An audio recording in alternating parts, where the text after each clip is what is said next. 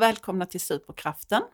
Idag är det jag Maria Imperatore och Anna, Anna. Gunnarsson. ja, det var ett tag sedan nu du var Mm. Jag här. har varit borta ett tag, Ja, men nu är jag tillbaka. härligt. Mm. Och idag har vi en gäst med oss som heter Anna Linderfalk. Välkommen! Tack så mycket. Välkommen. Ja. Jätteroligt att ha dig här. Idag ska vi prata lite om, ja men du har ju en gedigen eh, bakgrund och utbildning med dig. Eh, och vi kommer in på pedagogiken och men även som din inriktning är med speciallärare. Mm. Mm. Så kan vi få höra lite om din resa och hur det blev just att du valde detta som inriktning? Ja, ska vi ta någon kort variant på Ja, det vi då? gör det. Mm. Ehm, jag började jobba som gymnasielärare. Ja, ämnena engelska och psykologi. Eh, gjorde det i några år och insåg efter ett tag att det var jag som framförallt tog mig an eleverna som inte riktigt passade in i mallen, som hade svårigheter av olika slag. Ehm, och där någonstans väcktes tanken om att jag kanske skulle formalisera, ha en utbildning, och inrikta mig mot detta. Men det var inte raka spåret utan jag har gjort lite annat också och sen så blev det i alla fall att jag blev klar specialpedagog och jobbade med det ett tag innan jag även la till en speciallärarexamen. Så jag har lite olika Mm. strängar på lyran där. Mm. Får jag fråga dig en sak? Ja, absolut. För jag vet faktiskt inte riktigt vad det är för skillnad på specialpedagog och speciallärare. Ja, nej, det är inte så lätt Nej. att veta. Eh, I utbildningarna så består skillnaden att en specialpedagog är tänkt att jobba mer övergripande med skolutvecklingsfrågor, eh, jobba mot lärarna Ja. med handledning till exempel, medan specialläraren jobbar direkt med eleverna. Mm. Eh, och då kan man ha lite olika inriktning. Man kanske jobbar mot språk eller matematik till exempel. Mm. Då vet jag. Mm. Mm. Och du jobbar Eh, med inriktning utvecklingsstörning, så jag jobbar nu inom gymnasiesärskolan. Ja. Mm. Men eh, som vi har pratat om tidigare också så sträcker det ju även, du har även varit inom autism. Jag har jobbat ja, med Ja. elever med autism som inte ehm, hade någon utvecklingsstörning. Mm. Och sen är det också, som vi pratade lite om i bilen på vägen hit, Mm. så att många av våra elever, om jag kallar dem det, på Mm. gymnasiesärskolan har ju också diagnoser inom um, En neuropsykiater. Ja, precis. Mm. Autism eller ADHD till exempel. Mm. Precis. Eh, och för att min son gick en sån här eh, särskola, eller specialskola, förlåt, på gymnasiet, eh, socialvetenskap. Men han valde att hoppa av den för att det var... Eh, han, fick, han, passade, han kände att han passade inte in där på något Mm. sätt. För att det är just att det är så brett spektra. Ja, och om man säger att det finns väldigt många olika elever i den, nu gör jag lite citationstecken här, Ja. vanliga skolan, Mm. Så är bredden ännu större inom gymnasiesärskolan. Mm. Mm. Där, där finns allt och alla. Ja. Eh, och det är inte helt ovanligt att till exempel elever med, som har fått en diagnos lindrig utvecklingsstörning känner att de har svårt att passa in i det sammanhanget. Man har kanske gått ehm, den vanliga skolan, om jag fortsätter kalla det för det, Mm. eh, fram till med årskurs 9. Och sen har det gjorts en utredning om man har blivit placerad på gymnasiesärskolan. Men det kan vara, det är inte, mm, det är en resa, det är inte alla som landar bra i Nej, den faktiskt. Nej. precis. Är det stora klasser där? Eller? Nej, det är det inte. Det är små det är en av Mm. de stora fördelarna skulle Mm. jag säga. Att det är små klasser och det är hög personaltäthet. Mm. Mm. Mm. Ja men just det hur eh, klassrummen faktiskt är uppbyggda. Så var det på den skolan i alla fall som Fabian gick på att de hade alltid samma klassrum, samma platser. Mm. De flyttade inte omkring. Och det är ju rätt så betydelsefullt. Mm. Man har, skulle jag säga, kommit ganska långt i tänket hur man anpassar kring eleverna. Mm. Ehm, och att det behövs individuella lösningar. Mm. Där har man kommit längre inom, inom särskolan skulle jag säga än kanske inom... Vill du berätta lite om det? För att det är ju de här knepen som man faktiskt skulle använda sig av ute i vanliga då. Vi använder vanliga Mm. och normala Mm. väldigt ofta för att det är så folk Mm. pratar. Ja, Ja. Och med det vill vi inte säga att våra barn eller dina elever är onormala på nej, något sätt. det är därför det Eller att vi markera. som sitter här är så väldigt normala. Nej, det är vi ju Nej, inte. vi det har inte. vi kommit fram till. Ja. Nej, men om vi går in lite på. Mm. Mm. Ehm, jo, men det finns en hög tolerans bland de vuxna som arbetar kring eleverna. Ehm, eller vad ska man säga, tolerans är kanske fel ord, men en förståelse Mm. över att man inte alltid har sin bästa dag. Att man kan behöva lite lugn och ro eller gå ifrån. Ehm, att det som funkar jättebra på måndag kanske inte alls funkar på tisdag. Mm. Och att man kan behöva backa två, tre steg för att sen hitta en ny väg framåt. Att man kan behöva hjälpmedel. Men att man vissa dagar inte vill använda sina hjälpmedel för att de utmärker en, man är inte som alla andra. Våra elever har också behov av att passa in och få Mm. vara med och inte Mm. sticka ut. Även om man kan säga att alla har sina, eh, sina egna anpassningar så kan det vara så att vissa dagar så vill man faktiskt inte. Man vill bara vara som alla andra. Mm. Eh, vi, har, vi talar mycket om eleverna, eller vad ska man säga, vi talar oss samman kring eleverna så att alla använder samma Mm. eh, bemötande och anpassningar och förhållningssätt. Mm. Så att eh, det som funkar i ett klassrum ska också funka sen med, med nästa lärare så att det, då är det inte plötsligt på ett helt annat sätt. Och det skulle jag önska att det fanns lite mer av då i den vanliga skolan. Mm. Mm. Att det fanns samsyn kring eleverna, det jobbar vi. Mm. Jag har en fråga med. här bara Mm. snabbt. Undervisar du i dina ämnen psykologi och engelska eller undervisar du överhuvudtaget i Ja, många fler ämnen? De nu? har inte psykologi så Nej. tyvärr så får jag inte undervisa det. Men Nej. engelska undervisar jag i. Mm. Ehm, och jag har även varit inne och undervisat lite grann i andra ämnen men det är framförallt engelska. Ja, så det är en ganska stor skola då eller? Det är... Jag tror att jag talar sanning när jag säger att det är Skånes största gymnasiesärskola. Mm. Mm. Och nu vågar jag inte säga riktigt Nej. hur många elever där finns totalt, men Ganska stor. det är en ganska stor Mm. skola. Mm. Så att då har man ju också det här med att ni har mängden av elever, för annars kan man ju lätt skylla på att ja men det är inte så många elever så att eh, då är det ju lätt att lämna över och ha en diskussion och hur man ska bemöta och inte bemöta Mm. eleven. Här så har ni ju det som princip att så här Ja, gör man. Och det är kanske den stora fördelen, Mm. att det finns mycket samlad kompetens. Mm. Kan man inte själv så finns det någon annan man kan fråga. Det finns Mm. de som är jätteduktiga på autism, det finns de som är jätteduktiga på vad det nu kan vara. Mm. Så man kan man delar med sig och man ser till att man skaffar sig kunskapen. Den finns inom, inom väggarna, vi behöver inte vända oss ofta utåt. Men nackdelen kan ju vara att vi blir den här skyddade verkstaden och inte har så mycket kontakt. Det finns, det finns ju andra elever som läser Mm. på skolor, alltså lite mer integrerat. Man blir en naturlig del av samhället och vi hamnar lite utanför. Så det kanske är det som är, kan vara en fördel kan också vara en nackdel beroende på hur man väljer att se det. Mm.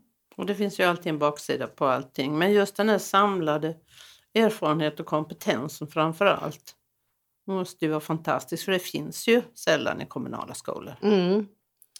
Och det har jag ju upplevt att när man Ja. jobbar ute då i de vanliga så blir man ganska ensam kanske om att ha ett visst synsätt Ja. och tänk kring eleverna. Man har inte eh, alla med sig i hela vägen från ledning och ner till Nej. elevassistent. Nej. Alltså det, man, man kan vara rätt så ensam Mm. i sitt synsätt. Medan här har vi då en, mer, en gemensam grund att stå på. Mm. Mm.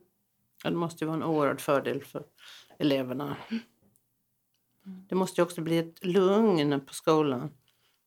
Ja, På det vissa skulle sätt jag säga. naturligtvis är det individer som på alla olika sätt. Men just det här att de, personalgruppen är sammansvetsad och att många vet vad som gäller. Precis, Så- så är det. Så blir det ju en annan stämning. Mm. Lugn kanske inte är helt. Det är, Det är en bra ordet. stämning, det, Mm. det skulle jag absolut Ja. säga. Och vi jobbar mycket med, med det sociala, men Ja. det är ungdomar vi har att göra med och de precis. gruffar med varandra. Ja, och det, Ja. man kan ju säga att skillnaden är inte alltid så stor.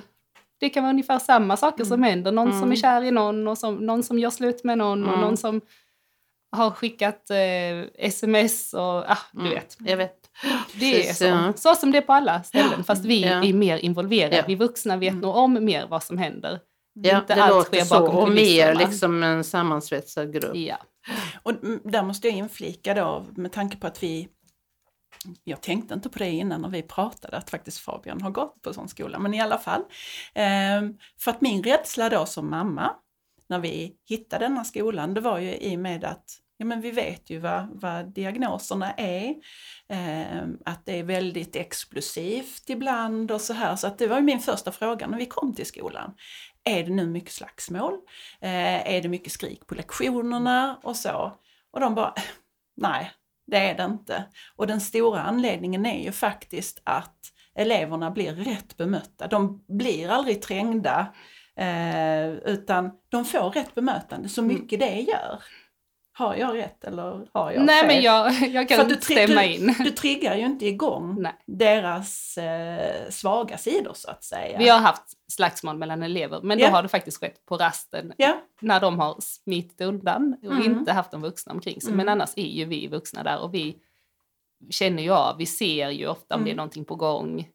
Eh, avleder eller liksom Mm. går in och i ett tidigt skede och tar reda på vad det är som håller på att hända. Och undviker att det blir ja. de konflikterna. Precis, och jag, men det jag menar också är ju just för att det jag har upplevt med mina barn, det är ju visst eh, kompisar runt omkring som, som triggar igång, men ett fel bemötande från en lärare, nu, jag vill absolut inte prata illa så, men det vi jobbar mycket kring här med Superkraften, det är Mm. faktiskt att vi ska bemöta alla utifrån deras behov.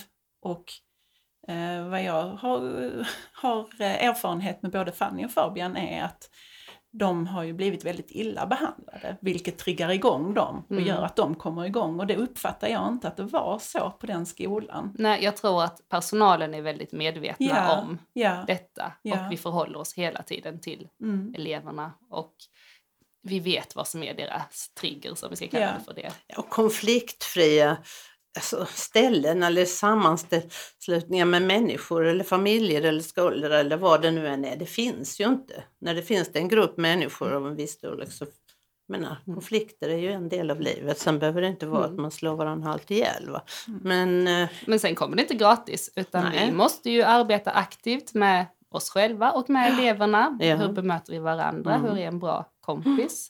mm. Eh, Ja men och det är ju sånt Mm. som man ska göra i alla, Mm. det ska ju vara Mm. överallt. Mm. Men det jag känner bara är att hade man nu haft er kompetens och ert sätt att arbeta ute i den vanliga skolan, ehm, då hade vi ju kanske inte behövt Mm. särskolor eller special... Där är jag helt med Ja. på, på Mm, dina mm, tankegångar. För jag, trots att jag arbetar i särskolan och trivs bra där, tänker ju att en, eh, en inkluderande skola ska ju, där ska ju alla elever kunna finnas Mm. under ett och samma Mm. tak. Mm. Och de lösningar vi har för våra elever funkar ju lika bra någon annanstans och de funkar Mm. för andra elever som inte har någon intellektuell funktionsnedsättning. Precis. Eh, och vår kompetens behövs ju även där. Mm. Nu sitter vi och är jättenöjda och klappar oss själva på Mm. axeln, men Mm. vi behövs ju även där. Mm. Så det hade ju varit den stora fördelen med att ha alla elever på ett och samma ställe, men kunna erbjuda Ja. anpassningar Mm. och se lösningar. Mm. För här, ser, har vi en grupp lärare och pedagoger eh, som sitter med en fantastisk kunskap och ett fantastiskt sätt att arbeta på. Att kunna integrera detta hade ju varit fantastiskt. Och precis som du säger, alla elever behöver ju bli bemötta med värdighet och respekt, eller hur? Mm. Ja, fast jag tror mycket på också att det är en spegling av samhällets sätt att vara. Va? Uppdelningen i samhället, stoppa i fack. Mm. Och det är ju väldigt mycket skolan. Fastän skolan kanske många gånger har på grund av brist på personal och ja, för många elever i klasser och så. Liksom, ja, det har blivit för kaotiskt på något sätt. Mm. Men det sätt vi lever på i vårt samhälle är ju väldigt mycket uppdelning. Mm. Jag menar gamla här och de där och de där och Mm. Och det är ju där vi Och måste där också jobba. med elever. Va? Och jag menar vi bara ser till de psykiskt sjuka som förr var på institutioner som kanske inte är det optimala, eller ordet låter ju ganska hemskt, men jag menar vad hände när man, när man stängde institutionerna? Mm. Alltså jag tror man måste se det i ett samhällsperspektiv, att det blir en spe, skolan speglar ju väldigt mycket Mm. samhället. Mm. Och, vad vill vi ha för samhälle? Ja, precis. Vi vill ha ett där alla Ja, Precis. precis. Och det är precis dit jag ville varandra. komma nu. Då. Mm. Mm. Där alla är inkluderade Mm. och får vara olika. Mm. Mm. Ja, och att olikhet ses som någonting positivt. Precis. Det, det, så ser mänskligheten ut. Mm. Och alla bidrar vi ju med vår lilla Oh ja, pusselbit. absolut.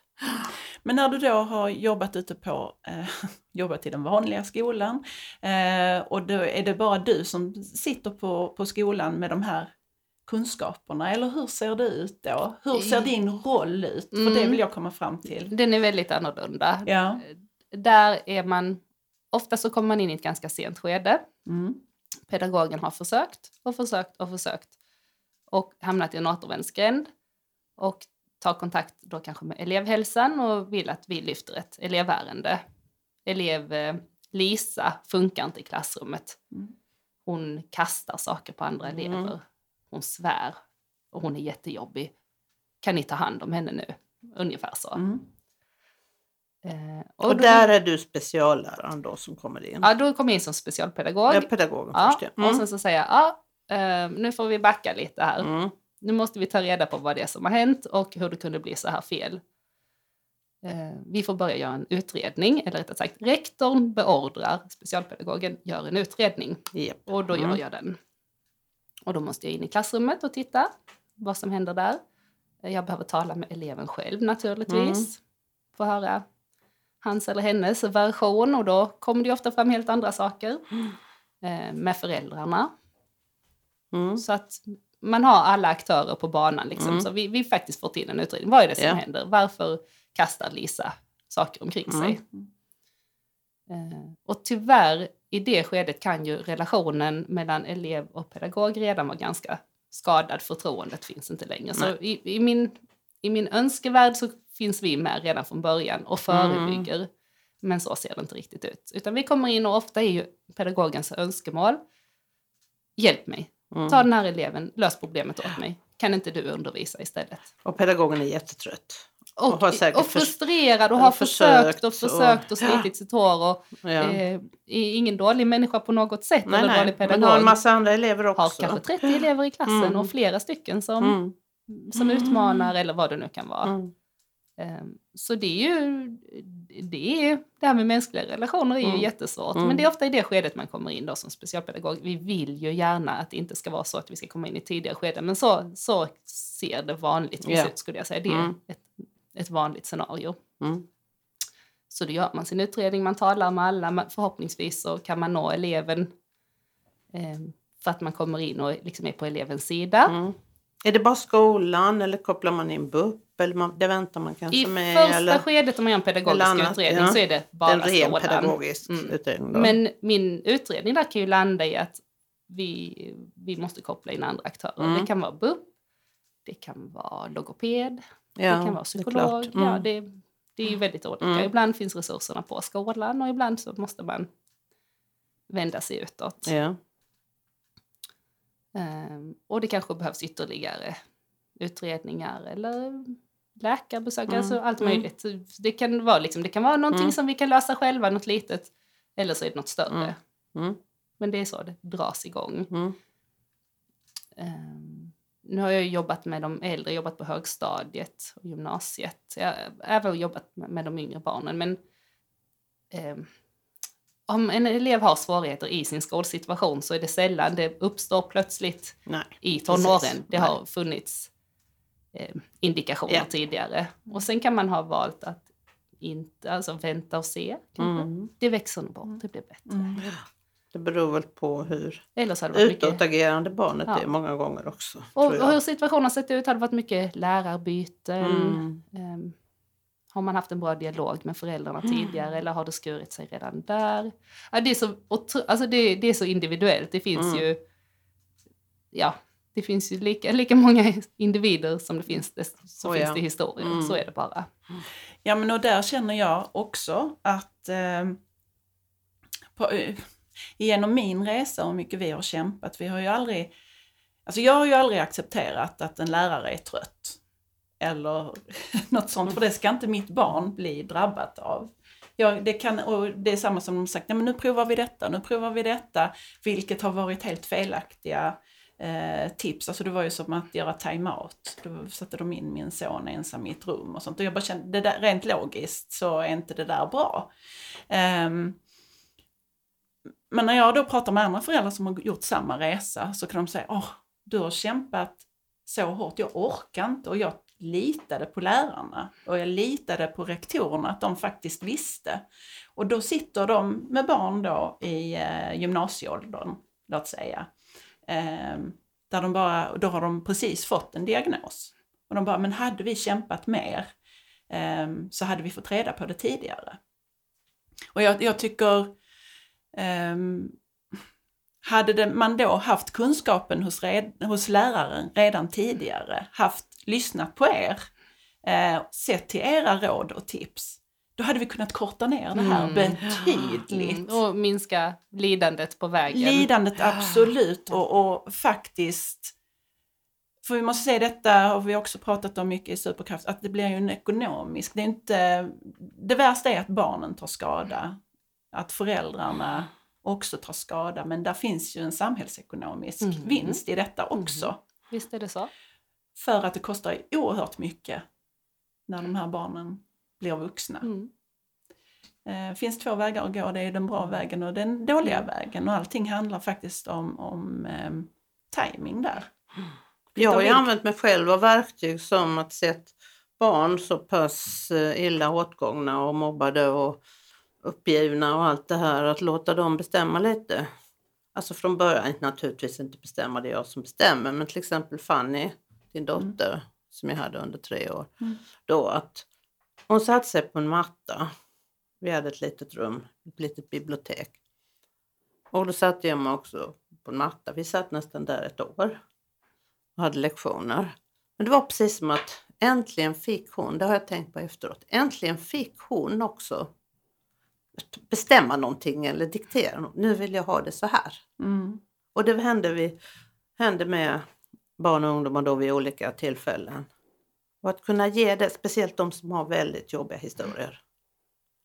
Som ju genast liksom har den här misstänksamheten. Mm. Ja, alla vill ju bli lyssnade på. Ja, det, det är ju samma med pedagogerna. De kan ju också ha Mm. känt att de kämpat i motvind Mm, ja, väldigt visst. länge. Ingen har sett dem, ingen har hjälpt dem. Så Nej. det, det är mycket som kan Mm. gå snett och om vi hade kunnat komma in i ett tidigare skede Mm. och reda upp Det kan som- behövas så lite Ja. tror jag många gånger. Ja. Ja, men hade du fått finnas på plats, och där vill jag också, hur tas du emot när du kommer ut på de här skolorna där det är problem, vilket det är överallt? Jag skulle säga att det är väldigt olika. Det finns Ja. de pedagoger som bara öppnar armarna. Åh, kom in i mitt klassrum. Mm. Åh, vad jag har längtat efter någon sån som dig. Och som Mm. sen, alltså helt fantastiskt, har haft jättemycket tankar och bara behöver någon att bolla lite med. Och, kan man göra så här? Kan man tänka så här? Mm. Jag bara, ja men jag hör ju, du har ju alla, Mm. du har ju Mm. detta redan i Mm. dig. Mm. Men det finns också de som jag jobbar ju på uppdrag av rektor och jag tror Mm. det kan upplevas som ett hot att det kommer in en vuxen till i klassrummet och tittar. Det är deras mark liksom. Ja, bredvid. och jag Ja. börjar alltid med att och liksom lägga mig platt och säga jag är inte här för att kritisera eller bedöma utan Nej. vi ska lösa en situation. Alltså Mm. verkligen få bort den här känslan av att det är ett hot eller Mm. att ett misslyckande. Mm. Eh, Men det, det tar olika lång tid för Mm. olika Mm. pedagoger att släppa in Mm, mig eller mm. liksom, ja, skulle jag Mm. säga. Så att du måste jobba med både pedagoger och elever. Ja. ja. Och, då, Och ibland även med rektor och Ja. med föräldrar. och Så föräldrar att, eh, såklart. Ja. Mm. Mm. Mm. Och ibland så säger man att specialpedagogen ska vara spindeln i nätet. Mm. Eh, Och det är en roll som, är Många aktörer att hålla reda ja, på där. som ja. kräver Mm. sitt lilla. Eh, jätteroligt när det lyckas men det Mm. finns många fallgropar på vägen. Mm. Mm. Mm. Ja. ja, det är jättespännande. Eh, har du något sånt här specifikt eh, fall som du kan prata med oss om? Och då går vi inte in på detaljer med namn och så givetvis. Men har du något sånt här där du har gått in och löst knutarna och... Mm, där det blivit bra liksom. Ja, ja men vi vill, vi vill Ja. bara höra bra Ja, historier. ja. Mm, mm, ja. Vi behöver bra Ja. historier. Ja. Ni har säkert pratat om detta i programmet innan men quick fix och så finns ju inte utan Nej. ofta så gör man mycket insatser och det kan ta lite tid innan, Mm. innan allting faller på plats och knutarna löser upp sig. Men Mm. visst finns det positiva historier där, Mm. där eh, pedagog och elev har liksom lyckats skapa en god relation. Mm. Eh, de har hittat någonting. Liksom. Ofta, eh, och det är så skönt, när jag känner att jag lyckas, det är när jag inte är den avgörande Mm. biten. Jag kommer in och liksom hjälper igång någonting men sen fortsätter den processen och jag kan ta ett steg tillbaka. Och både elev och pedagog känner att de har fått lite nya Mm. sätt att ta sig an. Jag hade en elev som fick eh, ja, men liksom ilskeutbrott. Verkade omotiverade, var inte det. Men, men, eh, och när det hände var det ju redan för sent. Mm. Men där elev och lärare lyckades prata ihop sig om men hur ska jag göra? När jag börjar känna mig arg, vad kan jag göra? Alltså eleven fick ett ansvar och läraren fick ett ansvar. När, jag, när eleven redan är så här arg, vad ska vi göra då? Hur ska man lösa detta? Och eh, alltså liksom en rad egentligen konkreta åtgärder som handlar om att låta eleven gå undan, få lite lugn och ro en liten stund innan man gick fram och frågade hur är det, vad är det som har hänt och sådär. För att då, han behövde lite space. Så när han hade lugnat ner sig, då ville han att läraren skulle komma fram och prata med honom. Mm. Så att han fick berätta kortfattat vad som hade hänt. Ehm, vad som hade triggat igång. Eh, och att det inte var pedagogen han var arg på, utan situationen. Mm. Och när hon liksom fick veta det också, att det var inte, det var inte hon som hade gjort något fel, men han behövde ett annat bemötande. Vi är återigen här på bemötandet. Han, han behövde veta att hon visste. Och då kunde de liksom, Mm. eh, då hade de ett sätt att ta sig vidare. Men att gå in och skälla och bråka och domdera och berätta hur dålig han var i den situationen, då blev det ju, det bara eskalerade. Det blev ju jättefel. Men det fungerar ju sällan. Det fungerar sällan. Och det var inte det hon gjorde, men det fanns andra vuxna i omgivningen. Han hade väldigt tur, skulle jag säga. Han fick en väldigt engagerad lärare som ville att det skulle bli bra och rätt. Och hon var erfaren. Hon hade varit lärare i många år, så Ja. det handlade inte om bristande erfarenhet. Men de behövde hitta ett samarbete, Mm. hur de, liksom, vilka signaler de skulle skicka till varandra. Och när de skulle tala om saker. Ehm, och när det blev bra så blev det riktigt bra. Och det fortsatte att vara bra sen. Ja, Mm. ja. Det blev liksom... Mm. Och det var... Det här exemplet som jag tänker på, då det var i, tidigt, det var inte på gymnasieåldern, utan det var på lågstadiet. Mm. Mm. Men hade det fått fortgå så kunde det ju liksom vara början på någonting, en väldigt negativ spiral. Ja. Och här lyckades vi bryta. Så det, det är egentligen det, är det jag vill komma åt. Kan man komma in i ett tidigt skede innan det har skurit sig totalt, Mm. när det bara är... Alltså, när det fortfarande är hanterbara problem, då når man snabbare ett bra resultat eh, med mindre insatser. För sen kunde jag ju backa undan och bara liksom följa upp och se Mm. att ja, det fortgår på det här Mm. sättet. Men det är ju så att den, alltså skolan är väldigt kunskapsinriktad och ska naturligtvis. För det är där vi går och lär oss någonting och våra Mm. barn går och lär oss någonting. Men just i många fall så glömmer man ju bort den andra biten. Jag tycker skolan på många sätt inte skiljer sig så jättemycket åt mot vad den gjorde för 20-30 år sedan. Samtidigt som det inte för alla barn passar med det här friare sättet som man också jobbar på idag. Mm. Det blir liksom, de kan inte det. Nej, Det är lättare att fylla i. Mm. och att ha mallar och sånt att gå efter.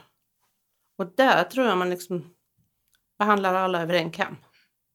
Väldigt mycket. Mm. Jag vet inte om du håller med mig? Jo, man kanske förutsätter att alla elever har förmågor som en del faktiskt inte Sök nu kunskap Väger. om det och det på, och googla det och det och gör det Har och det. Och kanske, skillsen, precis. ja, det är inte alls så vanligt att man, man har svårt att sätta igång med en uppgift. Man har Nej. svårt att avsluta en uppgift. Och är det då en väldigt fri, eh, löst formulerad uppgift som inte har tydliga ramar så är det väldigt lätt att det faktiskt inte blir någonting av det. Man sitter istället och... Och ett tag blev det ju nästan annat. fult att ha liksom glosor eller Mm. fylla i-uppgifter och allt det här. Jag tror den pendeln är lite på väg Jag att tror svänga också tillbaka. att den är på väg Mm, för att man har diskuterat Ja. detta och sett att det finns elever som Mm. behöver Mm. tydlighet. Ja. Men det är ju, ja, som vi talat om innan, det är, det är inte så att ett sätt passar alla, Nej, nej. utan man måste som lärare vara öppen för detta. Att jag kan inte undervisa alla elever på exakt samma sätt. Det kommer inte fungera. Det kommer fungera för majoriteten, men jag kommer tappa. Men detta några. borde ju komma in i lärarutbildningen mer. Mm. Mm. För det är, väl, det det är ju också en brist. Va? Det här specialpedagogiska tänket borde finnas med Ja. redan i ja, Mm, grundskollärarutbildningen. så man vet vad det är i alla fall. Mm. Ja men det borde ju finnas så att man bara touchar det i alla fall. Precis. Och sen så att Mm. man plockar in ehm, tror och din att det kanske också har kommit in faktiskt lite på senare år. För man har talat om det har kommit upp i, i det allmänna liksom medveten, medvetandet som jag uppfattade lite. Ja, jag kan väl säga att jag har inte märkt av det överhuvudtaget. Men det är ju säkert så på vissa skolor och där, som vi också pratar om att det har ju mycket vem som leder skolan i sig. Eh, hur vakna de Mm, är för det. mm. Eh, Oh ja. För jag har inte märkt av det överhuvudtaget. Ja, jag tänkte på utbildningarna. Att man Ja, har du tänkte in på- det ja, men förlåt. Mm. Ja, på, på universiteten Mm. och Ja, högskolan. det är att man har klart. lyft in det perspektivet ja. lite tydligare. Men det är Mm. ju nytt fortfarande. Och Ja, innan det precis. har fäst ut i, Mm, i verksamheterna så mm, vet vi att det tar tid. Men, Mm. men jag tror att det är... Jag har en känsla av att det är lite på G. Jag Mm. hoppas det. Mm. Ja, det får vi verkligen hoppas. Eh, Men om vi då, för att jag tycker det är intressant för nu, de som lyssnar på oss, just det här sättet du säger, hur man ska, för det är ju många som har svårt att komma igång och arbeta, eh, ja men där finns ju hur mycket svårigheter som helst. Och det handlar ju inte om att de är dumma i huvudet, utan det är svårt att koncentrera sig. Mm. Eh, har du några konkreta tips Mm. där? För att jag, tips, jag gillar Ja, tips. jag kan Mm. dela med mig lite konkreta Ja. tips. Det är ingen magi, utan till exempel en stor uppgift. Dela in den i mindre delar. Mm. Ehm, Så att man har och en skriftlig instruktion, jättebra. Så man kan gå tillbaks och titta på sin instruktion och så vet man eh, punkt ett, Mm. då skulle jag göra det här. Så, nu är det avklarat, nu kan jag gå vidare till punkt två. Så då känner man ju att man kommer någon vart. Mm. Om man har en stor uppgift och det är tio punkter, har jag gjort fem punkter, då har jag ju gjort halva. Mm. För annars kan man ju lätt fastna i en känsla att ingenting händer. Det är övermäktigt. Det är för svårt. Jag klarar inte det här. Mm. Alltså man kan tappa självförtroendet på Mm. vägen. Ehm, så dela upp i mindre uppgifter få kontinuerlig feedback. Mm. Läraren tittar. Ja, har du gjort punkt ett här? Och vad bra. Ja, perfekt. Var precis så jag ville att du skulle göra. Då kan du gå vidare till punkt två. Ehm, så det är väl en, Mm. en bra. Mm. Eh, inte för långa och krångliga instruktioner där man får allt på en gång Mm. Och ska behöva sen sitta och hålla allt i huvudet. Så man behöver kanske inte få alla tio punkterna på en gång utan man gör punkt ett. Sen Mm. går man till läraren, check, det ser bra ut, jag får instruktion nummer två. Mm. Det, och det tror jag ju alla elever. Jag Ja, tänkte just det, det. handlar ju inte bara om vissa skulle vara hela elever. skolan, det skulle vi Nej. alla behöva här i Mm. livet. Mm. Och Att det inte känns- allt på en gång. Nej, känns ju mer hanterbart. Ja. Kan vi mer ta upp? Tillgång till de hjälpmedel man behöver. Mm. Eh, och det kan vara olika. Här sitter vi i studion med hörlurar för att vi lättare ska Mm. koncentrera oss. Och det är också sånt som kommer mer på många grundskolor. finns ju så att elever kan gå och hämta hörlurar, skärma av sig lite. Mm. Kanske sätta upp fysiska skärmar. Mm. Eller ha sitt eget lilla hörn att arbeta Mm. i. Mm. Och det är ju väldigt bra om man har kommit överens med läraren på förhand. Att när jag tycker det blir jobbigt, jag får svårt att koncentrera mig. Jag behöver inte be om lov och få gå och sätta mig i hörnet, utan jag bara går och sätter mig i hörnet. Mm. Tar mina hörlurar. Jag vet att det är okej och du vet varför jag gör det. Mm. Eh, istället för att man stormar ut i korridoren för att liksom, Mm. intrycken är så många och besvärliga. Men kan detta praktiskt fungera tror du i stora klasser på ungefär 30 elever med kanske en 3-4 elever? Nej, ja då, det tror jag. Det tror du? Mm. Mm. Positivt, jättebra. Ja, det Mm. tror jag. Ehm, jag tror man kanske måste fundera ett varv extra kring ehm, antalet vuxna i klassrummet Ja. och vilka roller de har. Mm. Att det kanske kan finnas två pedagoger som alternerar lite med undervisning och, och medan den andra kanske går omkring och ser till att de Mm. elever som behöver lite starthjälp får sin starthjälp Mm. Ehm, och de får den här kontinuerliga Mm. feedbacken. Men har vi detta idag? Finns det möjligheter till detta? Resurser, resurser, resurser. Resurser, Ja, resurser. på särskolan finns ju resurserna. Ja, Vi har ni mer har det, ja, resurser. och där, där finns ju också en poäng i att ut i de vanliga klasserna Ja. och dela med oss av resurserna som vi har. Mm. För de kan komma fler till gagn Mm. och göra mer nytta, tror jag. Mm. Mm.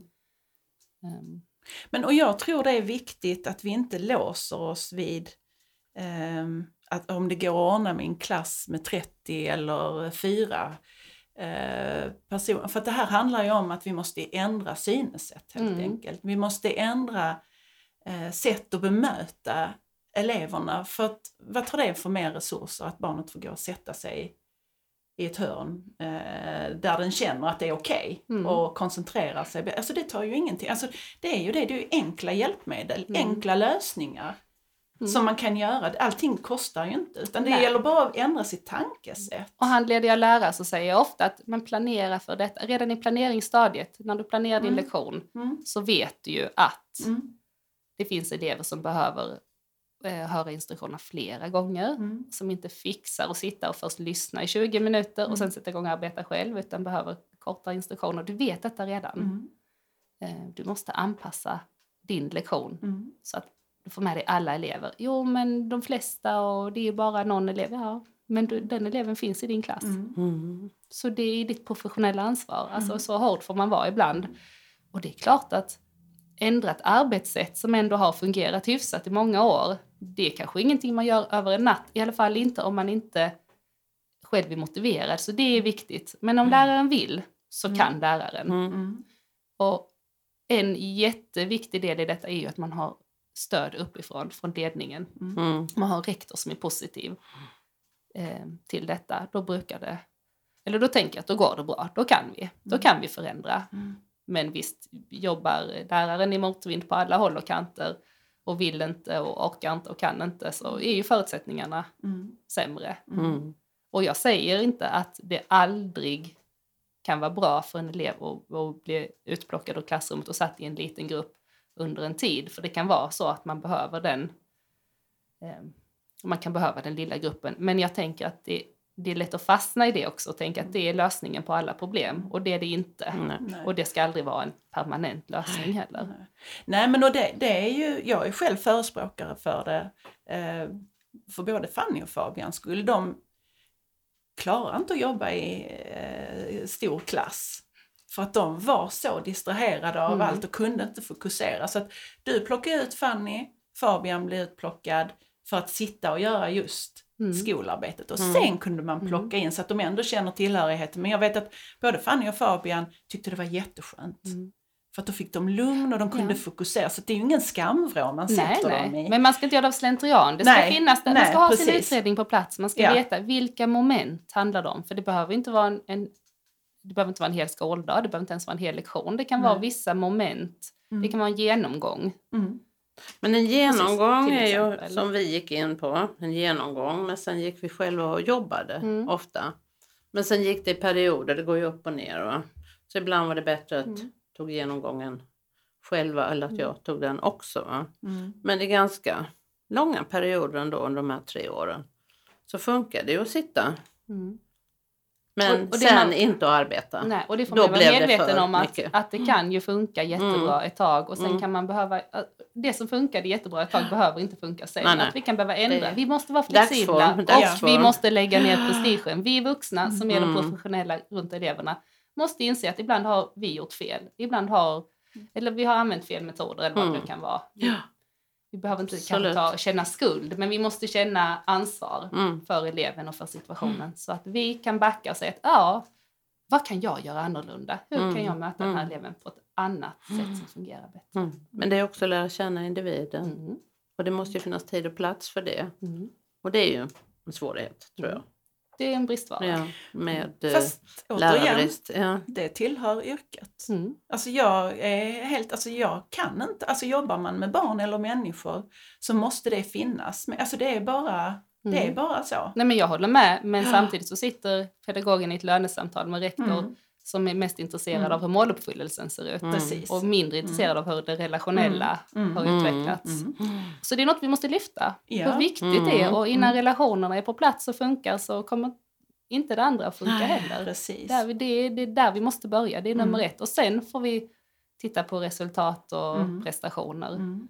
Eller i den bästa världen så gör vi både och samtidigt. Men det går inte att först ställa krav på prestation men Nej. inte ha det här mellanmänskliga på plats. Tänker jag i alla Precis, fall. ja, men det, precis, ju, det går ju hand i hand. Det går hand i hand, ja. Eh, det gör det. Och jag vet när vi valde skolkommun, eh, när vi valde att lämna storstaden, då kollade vi på bästa, Sveriges bästa skolkommun och tänkte, ja men det här, det här kommer att bli bra. Men sen Mm. upptäckte vi jättesnabbt att det var ju bara resultatbas- resultatbaserat. Och jag tänkte bara, alltså rent så, så tänker man att det första är ju det sociala, alltså att allting, att barnet är tryggt och bra och rätt bemötande i skolan. Men det var det ju inte. Utan det är enbart resultat Mm. man mä- mäter. Och där finns kanske också en skillnad mellan särskola och vanlig skola. Att Mm. man har kommit längre med att tänka på de här mjuka Mm. värdena, att Mm. vi ska ha relationer och så. Man är mer medveten om att det, det krävs, det måste vara på plats först för Mm. att andra ska fungera. Och varje litet framsteg tror jag räknas på ett helt annat sätt. Ja. Mm. Och, Här tar man för givet att gör det och gör det till på fredag och gör det Ja. till då och då. så där finns någonting som då den Mm. vanliga skolan faktiskt kan Mm. lära sig och utvecklas Mm. och bli Det bättre tror jag av absolut, att ja. titta på. Mm. Och sen så, ska vi i ärlighetens namn lyfta fram att särskolan ibland får kritik för att man tänker för mycket på att det ska vara trevligt och Mm. mysigt och härligt och alla ska Mm. trivas och för lite på att det ska, man ska lära sig och prestera Mm. också. Men ja, Ja, det är, det är farligt att vara medmänsklig då tidigare och behandla sina, sin omgivning fint. Jag tycker du gör ett fantastiskt arbete Eh, och vi är jätteglada att du kom hit och jag vill jättegärna att du kommer tillbaka just med, med, med de här tips och råd och det Mm. är jätteviktigt. Eh, och Kanske i har- dialog med någon annan som också Mm. jobbar det liknande. Kan man, Mm, det kan ju vara väldigt spännande att se. Mm. Ett konkret tips som jag kan avsluta med då, det är det här dialog. Vi behöver ju prata med varandra för var och en kan sitta på sin kammare och känna Mm. sig hur lyckad som helst eller hur misslyckad som Mm. helst. Men om vi inte delar med oss eh, i arbetslaget eller då Ja. stannar ju kunskapen på Mm. en plats. Mm. Och inte se, alltså det här klassiska, inte se eh, misslyckande som ett nederlag utan som ett sätt, som en möjlighet att hitta nya vägar framåt. Mm. Mm. Varför blev det fel? Hur gör jag nästa gång för att det Mm. ska bli rätt? Mm. Och samma igen, släppa prestigen. Mm. Hur gjorde du med den här eleven? Aha, Mm. det funkade. Det ska jag också testa. Mm. Vi måste Mm. öppna upp, dela med oss.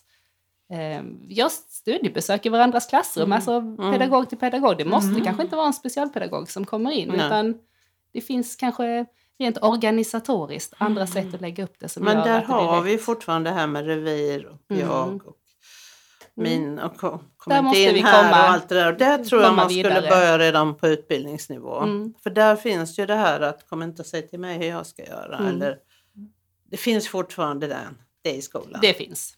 Men nu ska vi släppa det tycker jag. Ja, och så börja tänka också. om. Att Det så är här det- ska vi ha, detta Ja, ska vi ha istället. Alltså för precis som i utveckling, man måste gå vidare och lämna bakom sig. Och som vi har pratat om, ältande Mm. Är inte bra, utan man tar itu med det och går vidare. Och det är det jag vill med detta. Mm. Att nu är det dags att gå vidare och ta tag i och faktiskt lyssna på varandra. Precis Och det som kan man ju säger. säga i en handledningssituation också. Ja, Mm. nu har du fått pysa, jag hör Ja. vad du säger. Mm. Men hur går vi vidare? Vad är nästa Ja. steg? Hur ska vi vända Mm. detta till något positivt? Och då har lärarna jättemånga bra förslag och lösningar själva. Mm. Så att det är en, eh, en yrkeskategori med massor av idéer och Ja. Som behöver det stöd de behöver. Mm. Men det kan bli hur bra som helst. Precis. Viljan finns oftast Ja, ja. faktiskt. Så att det gäller att lyfta dem på samma sätt och samma gång. Mm. Ja.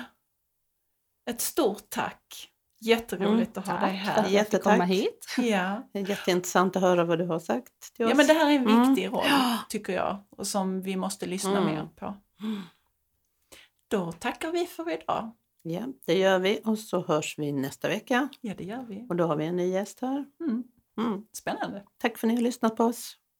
Hej! Hej!